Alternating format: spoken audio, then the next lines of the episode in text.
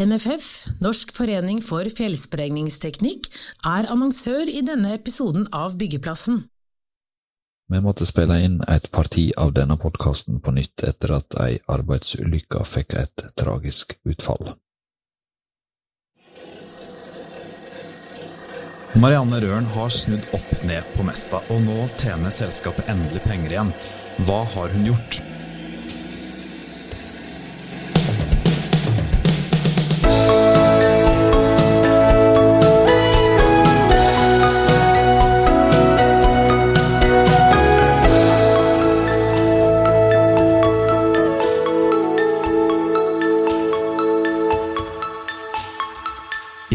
År, fra 2017 til 2019, var det røde tall på bunnlinja hos drifts- og vedlikeholdsentreprenøren Mesta.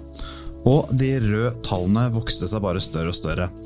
Men for å snu den negative utviklingen gikk Mesta Nye Veier og henta inn en toppsjef uten erfaring fra anleggsbransjen. Det var deg, Marianne. Eh, Velkommen til vårs. Tusen takk. Og da skal jeg si hei òg, for eh, du kom altså inn i Mesta i september 2019.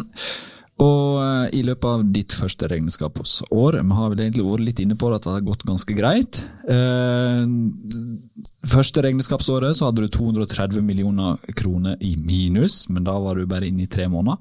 Og så ble det altså snudd til 188 millioner kroner i pluss i 2020. Et sprik på 418 millioner kroner, det. Hvordan har det vært mulig å få til så mye på så kort tid?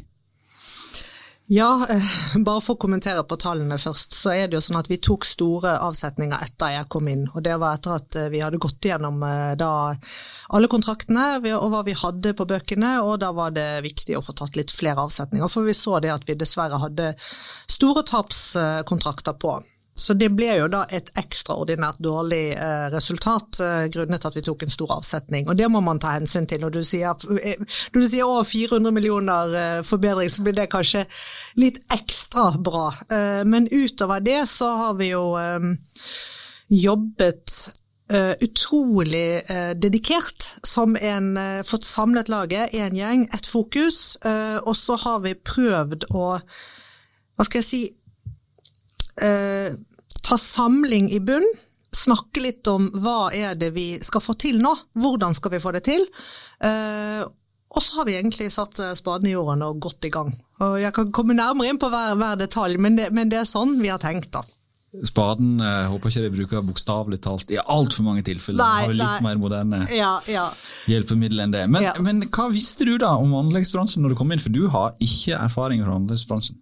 Ikke i det hele tatt. Jeg eh, visste veldig lite. Det er klart jeg hadde lest meg opp eh, før jeg startet, men når jeg ble, når jeg ble spurt om eh, å være aktuell for den jobben, så, så må jeg si at jeg tenkte i alle dager, det var merkelig. Det var ikke, det var ikke helt det jeg, jeg Jeg så ikke den komme. Og så vokste det jo egentlig litt på meg. Eh, og det vokste også på styrelederen. Jeg skal love deg at han syntes heller ikke dette var noen spesielt god idé til å begynne med. Bankdamen kalte han meg, konsekvent. Er det Jon Nyman, nei, eh, Jon- Nyheim? Jon Nyheim, ja. Eh, Men så er det jo slik da, at når du har jobbet som jeg har gjort da, i, i både finans og, i, og som advokat, så er man jo veldig mye borti veldig mange forskjellige selskaper, så man får jo god innsikt i hva som, hva som skal til for at et selskap skal drives bra, og hva som ofte går galt når det ikke drives like bra. Og så hadde jeg etter hvert eh, fått eh, ganske omfattende ledererfaring, så jeg kunne litt om det å å eh, få med meg gjengen og lede, eh, som jeg tror var, var viktig eh, i eh, selskapet. Men utover det, helt grønn på bygg- og anleggsbransjen. Det er sannheten. Men så har du sagt at eh, du har bakgrunn som du sier, fra finans og advokat, men du Ja. sier at folka i Mesta er mye råere. Ja, det Hva er det. legger du i det? Nei, altså jeg må si at jeg hadde, jeg hadde jo mine Når jeg så at det sto ganske dårlig til med, det, med resultatet, så var, ble det tydelig at her må vi liksom gjøre ting i, i, i, i riktig rekkefølge. Og først så må vi stabilisert denne skuta, sånn at, at ikke vi kjører utforbakke med selskapet. Um, og når jeg sier det gikk dårlig, så var det med drift- og vedlikeholdsdelen. Det er ikke den anleggs- og entreprenørsiden, altså den siden som driver med anlegg og spesialproduksjon og elektro, den gikk bra. Så det var drift- og vedlikeholdskontraktene. Um, Og da skal man jo gjøre ganske mye endring for å få til en, en, en, en, snuoperasjon. Og endring er vanskelig. Folk syns endring er vanskelig. Eh, så jeg var veldig spent på hvordan skal vi få motivert gjengen til å se verdien av å gjøre en sånn type endring. Og jeg har mye erfaring med endringsledelse fra før. Og må, altså, den, den der evnen til å gå i gang og liksom jobbe og kjempe for selskapet, som, som, som de mest ansatte har, da, den er helt rå. Jeg er så imponert. Så når vi ser på denne snuoperasjonen og ser hva som har, har, vi har fått til, så er det jo de ansatte som har fått det til. Altså, jeg har jo ikke fått det til, det er jo de ansatte som har gjort den jobben. Uh, og, uh, og, den endringsviljen og den råskapen der har jeg aldri sett før. Og så måten uh, du gjorde en, i hvert fall en del av denne jobben på, var å Du slanka det i toppen. Og så har du tatt vare på produksjonsmedarbeiderne. Ja. Hvor viktig har det vært for å få den entusiasmen, da? Ja. Det er vel drift det lever av? Ja, jeg har alltid fokus på det. Jeg eh, tenker altså, Hvor er det vi får eh, inntektene våre henne? Og Så betyr ikke det at ikke stab- og støttefunksjoner er viktige bidragsytere for at vi skal få til inntekter i selskapet, men det er utrolig eh, klart for meg i hvert fall at eh, den produksjonen som skjer der ute, den skal vi ha stor respekt for. Det var ikke snakk om å røre den. Jeg var, jeg var aldri i mine tanker engang. Men det jeg så ganske raskt, det var at vi hadde en veldig tungrodd organisering eh, i selskapet, og det var veldig mange eh, stillinger, eh, kakelag, mye lederfunksjoner. Um, som man eh, med egentlig ganske sånn enkle grep kunne gjøre mye lettere, uh, og på den måten spare kostnader. Så kakelag, hører... sier du. Hva er et kakelag? Et kakelag, sant. Ja. Nei da, det er en, en, en måte å, å, fremstille på. Men det er klart at hvis hvert område har sin stab og støtte, Uh, og så har de en stab og støtte under der igjen, osv., så, videre, så blir det ganske uh, Hva skal jeg si Du kan, du kan samle veldig mange funksjoner, uh, og da får du både til at det blir mindre Altså ikke like mange mennesker, og så får du til at det blir et bedre fagmiljø. Så må jeg si det er alltid trist og vondt og leit, uavhengig om de sitter i produksjon eller de sitter i ledelse, og, og sier farvel til gode medarbeidere.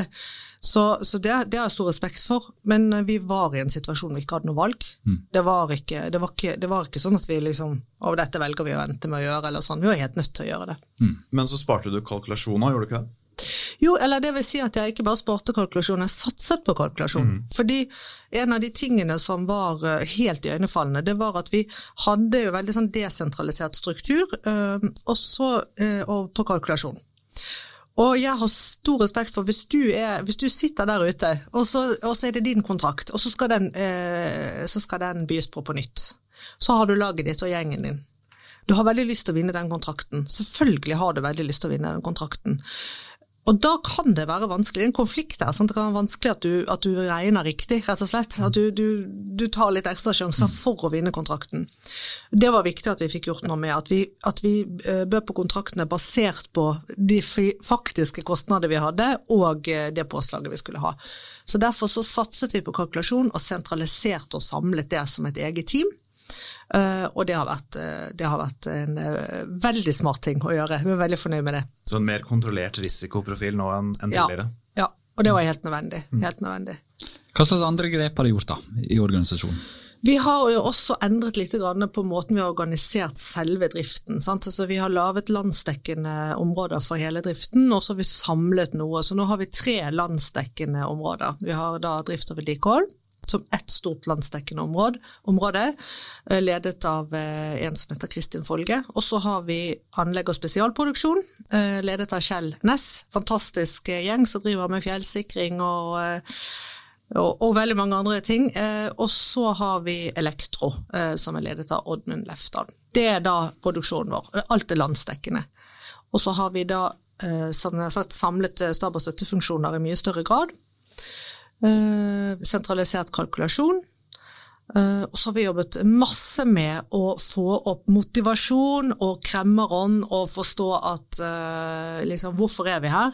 Vi har en kjempeviktig samfunnsoppgave som alle som jobber i Mester er veldig stolt av, men det skal vi også gjøre på en måte som Mester kan tjene penger på.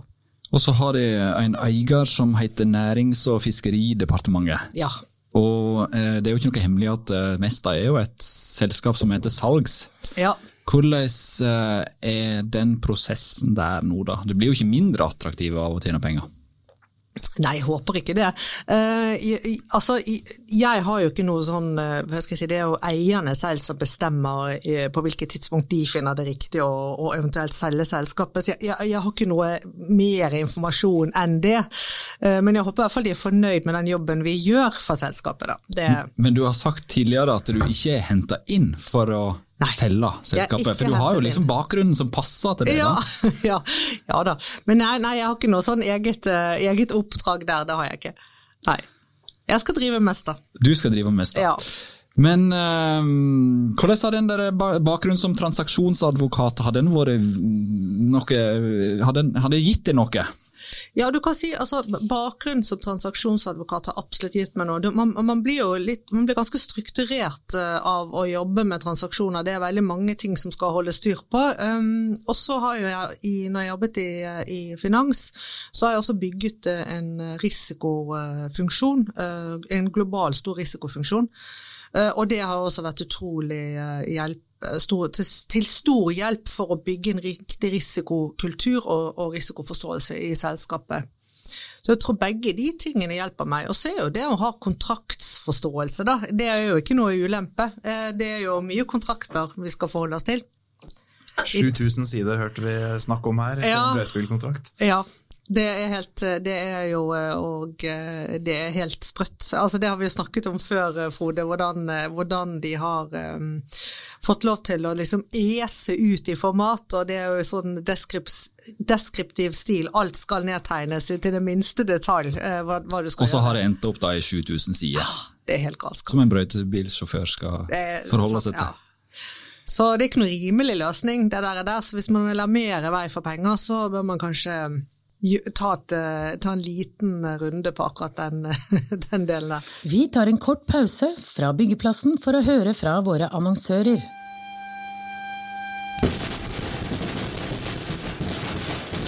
Vi sprenger grenser. Utfordringer i dagen, løsninger i grunnen. Hilsen oss i NFF, Norsk forening for fjellsprengningsteknikk. Følg med på våre digitale tilbud på nff.no. Siste nytt er egen podkast. Og da er vi tilbake på byggeplassen. Det er jo ikke en hemmelighet du skal få lov å komme ja. til. Du er så ivrig her, vet du. Vi bare kjører på. Du, det er ingen hemmelighet at uh, anleggsplassen den er mannsdominert. Uh, og uh, i Mesta så har de jo tatt initiativ til et, uh, et mangfoldsnettverk som heter Diversitas. Ja. hvorfor er det så viktig for Mesta? Nei, altså, Mangfold er jo viktig for egentlig alle selskaper, tror jeg. Eh, og, eh, og, mangfold er også mer enn kjønn. Mangfold er jo det at vi er forskjellige. Vi kan ha forskjellig bakgrunn og kompetanse. Vi kan ha uh, forskjellige politiske ståsteder, etnisitet, kjønn osv. Um, og min erfaring, jeg har jobbet veldig, jeg har jobbet i veldig stor del av min yrkeskarriere jobbet i ganske mannsdominerte miljøer, det er det at du trenger, uh, du trenger forskjellige synspunkter inn på det man jobber med. Det blir så mye bedre resultater. Uh, og derfor så tenker jeg at uh, det hadde vært utrolig bra hvis uh, vi kunne fått til en større grad av eh, kvinner ute på byggeplassen eh, enn det som vi har klart å få til i dag.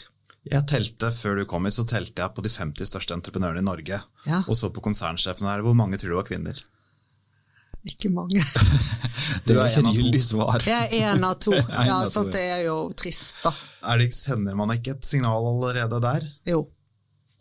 Altså, ja, det gjør man. Og jeg er jo helt overbevist om at uh, man må bare altså, Toppledelsen i hvert fall må jo vise uh, at dette mener vi. Og det opplever jeg at vi har vist de meste, Fordi uh, I dag så er faktisk vår toppledelse 50-50, altså det er 50% kvinner og 50 menn. Uh, og da tror jeg du skal telle finne, finne, Da tror jeg du finner noen andre å telle. Vi skal ikke snakke om kvinner og menn sånn, så, sånn sett, men, men, har ikke det betydd noe for den om, eh, omstruktureringen og den utviklingen de har hatt i Mesta, kanskje? Jo, masse. masse. Det er ikke noe å lure på. Han, fantastisk eh, konsernledelse. Eh, de kommer med forskjellig bakgrunn. Eh, det er folk fra tele, eh, det er fra helse, det er fra bank.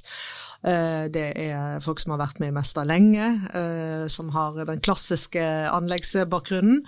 Um, og det er høyt under taket, og det er masse diskusjon, og det kommer veldig mange spennende synspunkter frem. Og så er det jo det, da. Mangfoldet må jo få virke. Det hjelper jo ikke med et mangfold hvis ikke det får virke, så vi må passe på at det liksom får slippe opp og frem, da. Uh, og det jobber vi mye med, og jeg føler at vi får det til. Så det har vært uh, en viktig driver for det vi har fått til, ikke noe å lure på. Helt sikker på. Men hva med de tankene du har tatt med deg inn fra finansnæringa, hvordan har det påvirka da? Jeg tror at det har påvirket Mesta på den måten at vi har blitt litt mer bevisst på at vi faktisk må tjene penger. At en bedrift som er konkurranseutsatt, og vi lever i konkurranse med mange andre bedrifter, og vi må tjene penger for å overleve. Må tjene penger for å overleve, det er eh, en nøkkel, selvsagt. Eh, risikostyring har vi vært inne på. og eh, Hvor er det dere har gjort det største grepet akkurat på risikostyring? da? Hvor er det... Det vi har jobbet mye med, det er jo selvkosten, å ha kontroll på selvkosten. Hva er reell selvkost i det vi kalkulerer på? Eh, og så har vi også, eh, snakker vi jo mye om eller ikke snakker om, vi har egentlig vedtatt et, et, et system, et risikostyringssystem, som gjør at vi ser på er dette en kjent kontrakt, er det en kjent byggherre, eh, eller er det helt nytt område, osv. Og, så og så graderer vi risikoen på kontrakten i forhold til disse tingene som vi vet er viktige parametere når vi jobber ute på feltet. Og så legger vi påslag deretter. Men så jobber du i en bransje som det er væravhengig. Du ja. veit ikke hva som venter rundt neste sving der. Nei. Og det var kanskje en av de største overraskelsene jeg fikk meg. Det var det at det er entreprenøren som skal ta værrisikoen. Ikke sant? Eh, det er jo helt eh, altså det, det, det, er jo helt ko-ko, rett. Det er vanskelig å, å, planlegge for å tjene ja. penger når du eh, ja. må operere under sånne forhold. Ja, det er det. Og så igjen, eh, tror jeg, eh, nå sitter det en veldig klok kvinne uh, på toppen av Statens vegvesen. Jeg tror det skjer veldig mye, eller jeg ikke tror det skjer veldig mye på, på kontraktssiden der. Um, det sier seg selv at alt annet like så vil det jo bli dyrere for, uh, for byggherre hvis all risikoen dyttes over på uh, entreprenøren. Fordi da må man ta høyde for uh, at det kunne bli veldig dårlig vær hele tiden. Mm. Altså det er, det, så, så, så det, det, er nok lurt å kanskje dele litt mer på den risikoen. For Du har jo sagt før at en, du føler at det er en skjevfordeling ja. entreprenør, byggherre. Ja, det er det. Det er det helt klart. Og jeg tror også det å få inn denne mentaliteten at alt, en, alt handler jo om en risikostyring. altså Alt handler jo om hva du er nødt til å ta som påslag for å sikre deg at du kan ha muligheten for å tjene penger. Uh, og, um, og, sånn som det er nå, så tror jeg at man hadde vært uh, mye bedre tjent med å tatt ned den, uh, den skjevdelingen. Men dette skal tas noe risiko, ja. Så, sånn er det. Det er jo det man lever av, men ikke på det nivået her. Som gammel advokat så kan det hende at konfliktnivået også hadde vært lavere hvis det hadde vært et mer balansert risikoforhold? Helt klart. Og det er også en ting, eh, og det vet jeg også at, eh, at eh, lederen for Statens vegvesen er opptatt av, det er jo dette her med samhandling i, i, ute i anleggsbransjen. Fordi det skaper så mye bedre resultater hvis man har god samhandling, og det tar ned både konfliktnivå, men også kostnadsnivå. Hvordan er dialogen med myndighetene da? Tenker du da på Statens vegvesen? Ja, eller tenker jeg egentlig på sånn generelt. Du har jo noen, noen fylkeskommuner, det har vært en regionreform som sikkert har surra til litt uh, ja. dere oppi dette her òg? Nei, altså du kan si at med, med Statens vegvesen så er jo den god, god etablert og har vært der lenge, og det fungerer veldig godt. Uh, og så betyr ikke det at man alltid er enig om alt mulig, men det fungerer veldig godt. Uh, når det gjelder fylkeskommunene så er det litt annerledes, og det er jo mye læring for oss, og det, jeg tror det er også læring for dem. Dette skal etablere seg som et, som et nytt system. Man har ikke liksom én man kan henvende seg til, og som da tar ansvaret for alle eh, fylkeskommunene. De er da eh, aktører selv, hver og en. Så det, er, det, det, skjer jo mye i det markedet der. Um, og der er det litt, litt, opp og ned, vil jeg si. Litt opp og ned. Ja. Men det, de gode resultatene som vi har vært inne på, skjer jo i en tid der det har vært pandemi. Ja. Det har vært uh, denne her fylkesreformen. Uh, og så har det i tillegg eh, da hatt en eh, starten av pandemien så permitterte det en god del ansatte i Mesta. Så mm, har den permitteringen der gitt gode utslag på bunnlinja i det resultatet de presenterer? Ja. ja. Nei, det har den ikke. Eh, det var en veldig kort tid vi permitterte, og heldigvis. Det var egentlig den tiden hvor de holdt på med disse kommunegrensene jeg vet ikke om du husker det. Uh, jo, med innreisenekt ja, ja, fra Det var rett og slett det som gjorde at vi måtte permittere, at vi fikk ikke lagene over, uh, over fjorden. Så, så, så det, det, varte heldigvis ikke så lenge før man fikk tatt til vettet. Men det har i hvert fall klart å tjene penger da, i en veldig krevende periode ja, med mange det, og ting. Vi har jo også hatt, vi har også hatt koronautgifter som har vært større enn vi ville hatt eh, hvis vi kunne drive vanlig. Sant? For det koster jo veldig mye mer å drive uh, etter smittevernhensyn, og vi blir veldig omfattet av det. Eh, så ehm, det har vært uh, igjen, da, denne gjengen. Tenk dere sånn, altså sånn analog bransje som klarer å ta til seg et sånt digitalt skifte. Og uh, la et firma liksom drives gjennom en Teams-boks, som jeg kaller det. Herregud, det er jo helt, det er helt ellevilt. Det er jo så mm. kult. Og det kan man bli enormt stolt av. Nå har vi prata mye om omstilling. Ja. Er dere ferdig med omstilling nå? Har dere funnet formen på Mesta de neste fem-ti åra? Skal jeg si en ting? Man blir aldri ferdig med omstilling, og man blir aldri ferdig med endring. Og det tror jeg er sånn viktig å si som toppleder. Det er noe sånn sånn som verden har blitt, så skjer det endring hele tiden. Og endringen kommer raskere og raskere og raskere. raskere. Så noe av det vi jobber masse med, det er å ha det vi kaller en endringsmuskel. At vi er parat for å ta, ta, ta de endringene som kommer. Og det vi også jobber veldig mye med nå, det er digitalisering. Men kan det f.eks. bli aktuelt å bli en veiutbygger igjen, som dere en gang i tida var? Jeg skal ikke utelukke det, det er ikke noe vi har på tapeten akkurat nå. men eh, Jeg skal ikke utelukke hva vi kan komme til å gjøre i fremtiden. Men, eh, men jeg tror vi er nok mer på det sporet av hvordan vi kan eh, forbedre måten vi jobber på. Og så kanskje at vi kan vokse innenfor enkelte områder av det vi allerede gjør i dag. Nå har vi snakka veldig mye om økonomi og måten å strukturere selskapet på, men så er HMS eh, en veldig sentral del av det å drive i anleggsbransjen. Nylig så opplevde Mesta det verst tenkelige, nemlig å miste en ansatt på jobb. Tom Gøran Mathisen Moretti ble bare 38 år etter at han ble tatt av et eh, sørpeskred på oppdrag for Mesta og Statens vegvesen i februar. Hvordan eh, påvirker ei sånn tragisk eh, ulykke mest, da?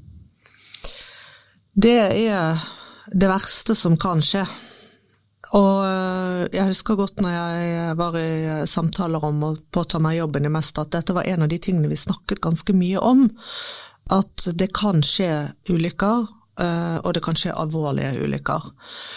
Jeg tror aldri man klarer å forberede seg på, på det eh, på noe nivå i et selskap, hvordan det rammer. Men det rammer altså helt lammende. Det er så vondt, eh, og det føles så meningsløst.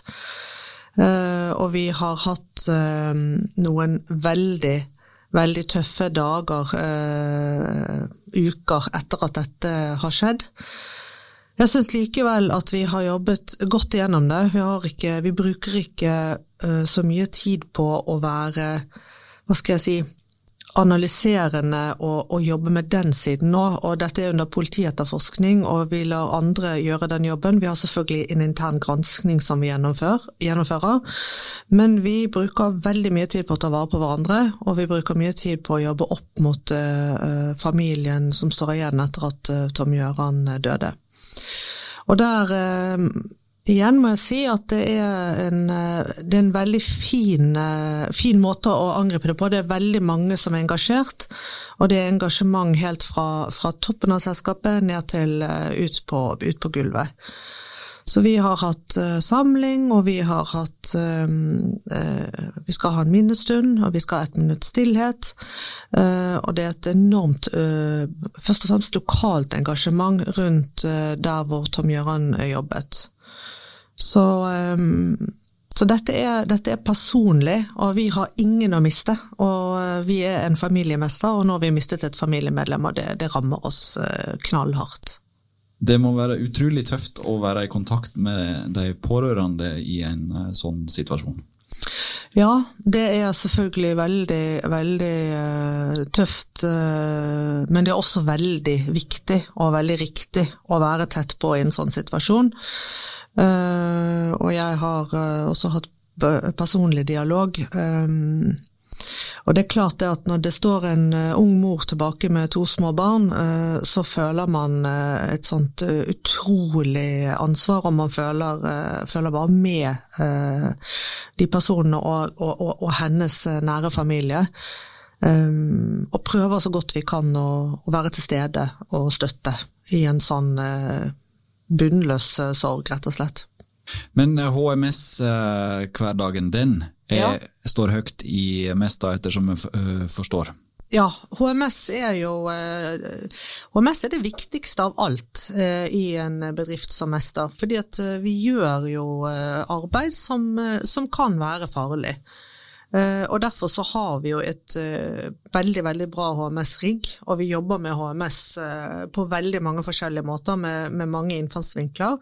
Det står alltid først på agendaen i alle ledermøter, i alle styremøter.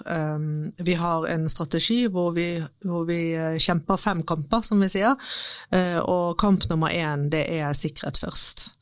Og vi har eh, sikkerhetsuker, og vi har sikkerhetskampanjer, og vi har HMS-ansatte. altså vi gjør man kan sikkert alltid bli bedre, men at det er en veldig veldig viktig del av hvordan vi tenker, eh, det er ikke noe å lure på.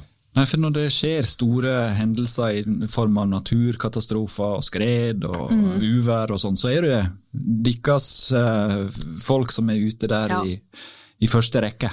Det er det det er. sant? Noen, det, det, det, er derfor det er farlig arbeid, eh, og vi må sikre å gjøre den så sikker som vi kan.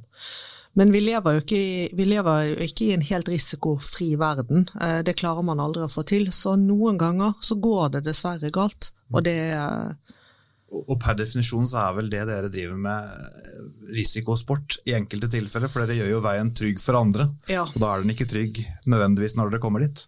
Ikke nødvendigvis. Eh, nå skal vi alltid sikre at den, eh, vi går ikke inn og tar unødvendig risiko, eh, men, men, men, det er klart at det er Norge er, Dere vet jo selv hvordan Norge er skrudd sammen. Sant? og det, det, skjer ting langs veien vår. Og så er det klimaendringer. og Hvordan, vil, hvordan jobber det med det i planene framover? For klimaet endrer seg, og det blir kanskje våtere. og det, ja. det, igjen da, Som jeg var inne på i stad, så jobber jo det mye etter været. Vi gjør det, vi gjør det, og hver gang det skjer eh, f.eks. utsklidning av vei eller ras eller den type ting, så, typisk, så blir vi utkalt for oss å rydde opp og gjøre den jobben.